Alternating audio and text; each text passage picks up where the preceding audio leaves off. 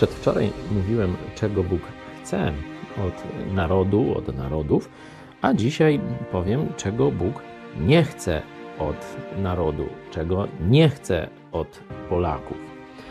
Kontynuując spotkanie apostoła Pawła ze starszyzną, można powiedzieć, z najmądrzejszymi ludźmi ówczesnego świata, z filozofami i politykami greckimi w Atenach na Areopagu, Apostoł Paweł najpierw powiedział w 17 rozdziale 27 werset, czego chce Bóg, żeby narody robiły, czyli też naród polski, a potem w 29 wersecie zaczyna, czego nie chce.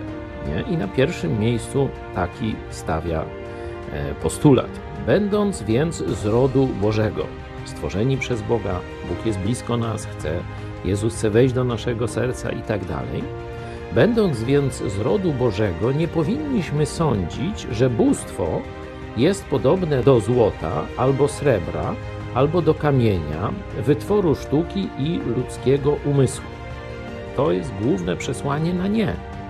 Bóg nie chce, żebyś myślał, że on jest podobny do jakiejś złotej figurki, obrazu czy kamiennej jakiejś rzeźby, posągu nie jest też podobny do wytworu Twojego umysłu. Nie? Na przykład katolicy mają różne statuje, wyobrażają sobie Boga, obrazy i tak dalej, a świadkowie Jehowy mówią, że no to wszystko złe, no to prawda, ale tworzą swój obraz Boga, swoim umysłem tworzą jakieś bóstwo, które absolutnie, ta ich koncepcja, wizja Boga nie da się pogodzić z Pismem Świętym. To jest takim samym grzechem jak bałwochwalstwo.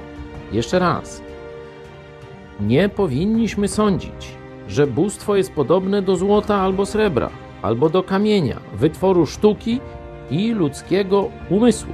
I później jeszcze dobija.